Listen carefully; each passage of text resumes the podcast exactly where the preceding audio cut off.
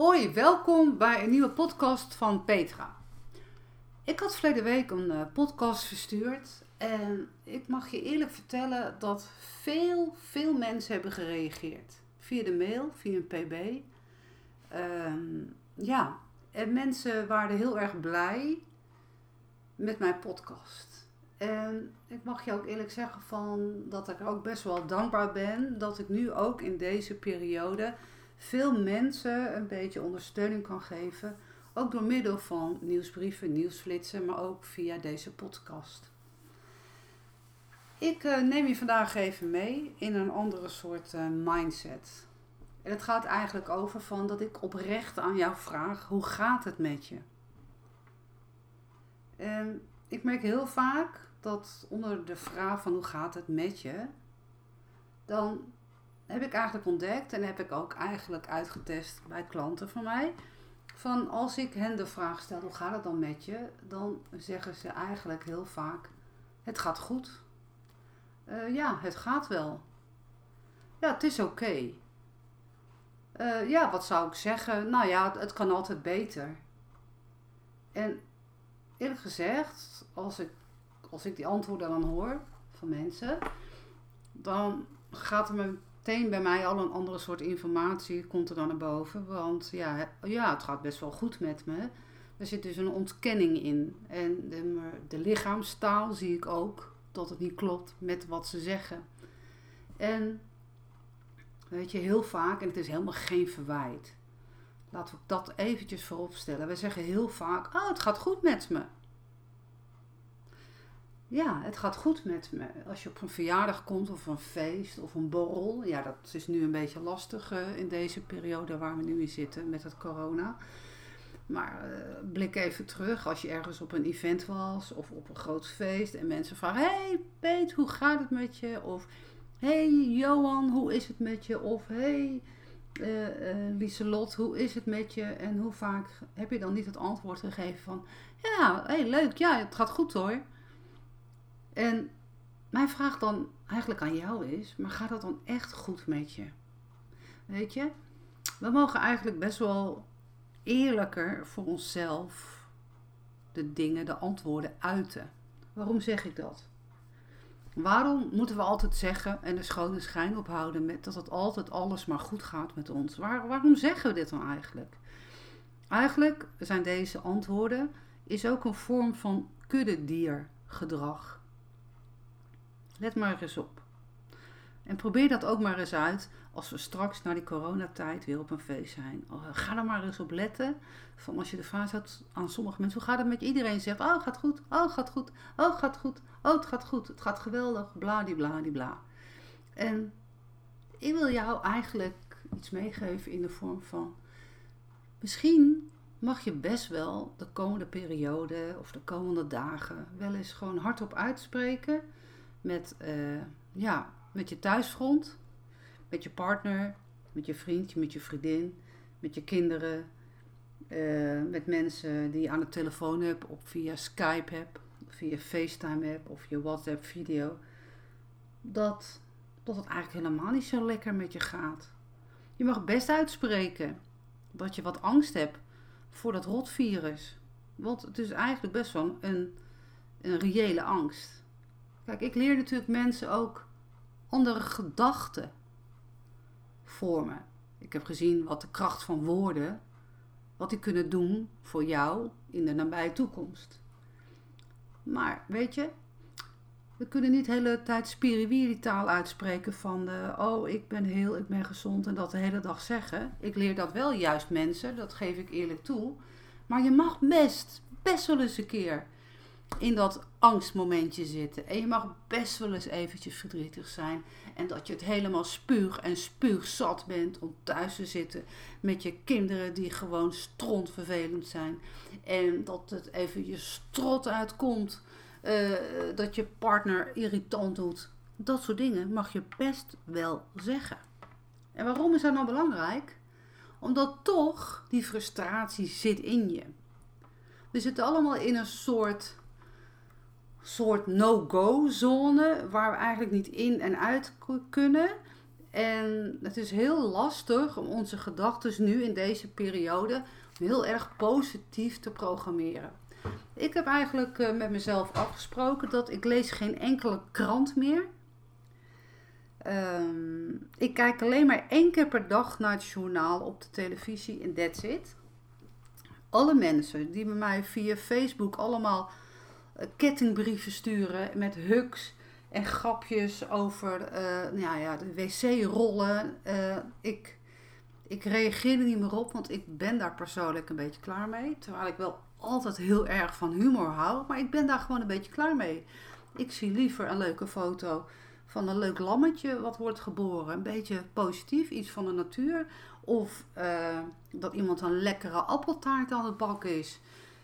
Wat ik feitelijk niet mag hebben. Maar weet je, de, we mogen ons anders even gedragen in het nu. Ik geef je nog een tip mee. Wat misschien ook heel handig voor jou zou kunnen zijn, is van. Het is eigenlijk heel, heel belangrijk. Ik wil je vragen of je extra goed voor jezelf gaat zorgen. En dat begint eigenlijk al met hele simpele dingen. En dat klinkt heel raar en daar is ook een research over geweest. Als je wakker wordt, dan eh, schud je je bed uit. Eh, je gooit je raam even lekker wijd open. En een kwartier later doe je gewoon je raam dicht. En daarna maak je je bed op. En je maakt gewoon helemaal je bed op. Heb je een beddenspray, doe je je beddenspray eroverheen. Waarom is dat nou belangrijk? Dat is een routine. En het geeft eigenlijk, is het een soort spiegel dat je laat zien dat er opgeruimd wordt. En die spiegel is eigenlijk naar jezelf toe. Het laat je eigenlijk zien dat als je je bed dan opmaakt, dat het ook opgeruimd is in je hoofd. Nou, vervolgens neem je een douche of een bad. En gebruik nou eens een keer een lekker geurtje voor onder de douche. En smeer je daarna lekker helemaal in met een bodylotion. En ja, ook mannen die ook deze podcast luisteren, ook jullie mannen, kunnen heerlijke mannenluchtjes gebruiken om je goddelijke lijf in te smeren. Maar weet je, het gaat erom dat je jezelf verzorgt. Wat ook belangrijk is, is van dat je even ook naar muziek luistert. Dat je meezingt. Dat je even lekker beweegt. Dat je meedanst tot de muziek. En waarom is dat nou even belangrijk? Het zet je steeds eventjes weer in een andere soort gedachtenzang. En dit kan je natuurlijk ook, dat zingen kan je ook natuurlijk doen met je kinderen. En weet je, we moeten dus creatief zijn. En dan moeten. We moeten dus creatief zijn. Maar het schijnt dus dat er nu ook heel veel spelletjes worden gespeeld. En ik zal je heel eerlijk zeggen. Terwijl ik deze podcast nu aan het inspreken ben. Uh, mijn man die ging uh, naar de vliering. En ik kwam opeens met een paar uh, spelletjesdozen naar beneden. En en hij zei, we gaan voor het weekend gaan we gewoon lekker spelletjes doen. Ik zeg, helemaal prima. Even gewoon wat anders. En weet je wat je ook hebt, gaat merken? En dat is eigenlijk ook wel heel bijzonder. En dat heb ik eigenlijk ook al gevraagd aan klanten. De gesprekken met je partner en met je kinderen worden ook wat anders. We krijgen eigenlijk ook meer een soort, mag ik het zeggen? Een betere verbinding. Er wordt weer echt gepraat. En laat dat dan, misschien dit dan, een pluspunt zijn voor nu in het nu. En weet je, het is zo belangrijk om je gedachten naar een andere setting te krijgen. Het is zo belangrijk dat je rust krijgt in je hoofd. Dus ik wil je ook vragen om je af te sluiten voor dat hele social media. Volg de groepen waar jij helemaal blij van wordt. Volg mij natuurlijk op mijn bij Puur Petra pagina. Maar zonder dolle. Maar ik bedoel, al die berichten wat over het virus gaat, weg, weg, weg ermee. Ga eens door je tijdlijnen heen. Kijk eens welke mensen passen bij jou en welke mensen passen niet bij mij. En ontvolg ze dan gewoon. En dat ruimt ook zo lekker op. En wees lief voor jezelf. En ook bij deze podcast wil ik jou nog benadrukken dat je nog steeds met mij kan sparren. Ik uh, bied gewoon aan om mensen, zeg maar ondernemers, maar ook jij, die geen ondernemer misschien bent, maar gewoon ergens in loondienst bent. Of je werkt helemaal niet. Het maakt mij allemaal niet uit. Maar als jij gewoon een beetje rust in je hoofd wil hebben. Dat je over je angst, over je frustratie, over weet ik wat wil praten. Dan kan je met mij sparren. Ik ben er voor jou. Ik heb al gezegd dat ik straks voorzie dat de psychologische hulp echt gigantisch gaat worden. En dat de hele GGZ die aanvragen niet aankunnen. Niet voor niks zie ik nu ook beelden dat kinderen die zeg maar in verpleeghuis zitten, uh, die gedragsproblemen hebben, dat die eenzaam zijn, want ze missen het, het structuur wat ze moeten gaan doen in die dag. Maar ik zie nog veel meer. Ik zie oudjes in zorginstellingen, die zijn ook eenzaam. Maar ik merk het eigenlijk ook in mijn eigen familie. Ik merk het eigenlijk ook in mijn vriendenkring. Dat er steeds, steeds signalen komen dat mensen toch een beetje eenzaam zijn.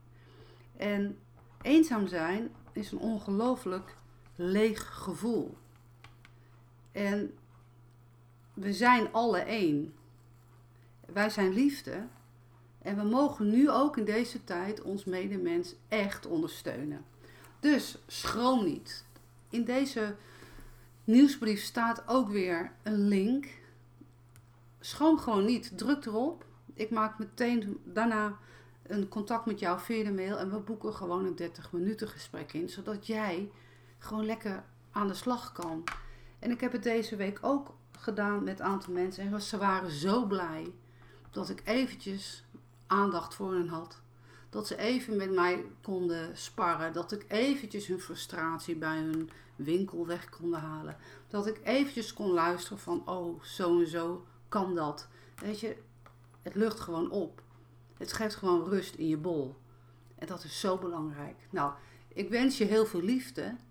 Ik wens je een hele goede gezondheid. Wees lief voor jezelf. En geniet gewoon van elke dag. Want elke dag is er één. Voor jou, voor mij, voor iedereen. Dag.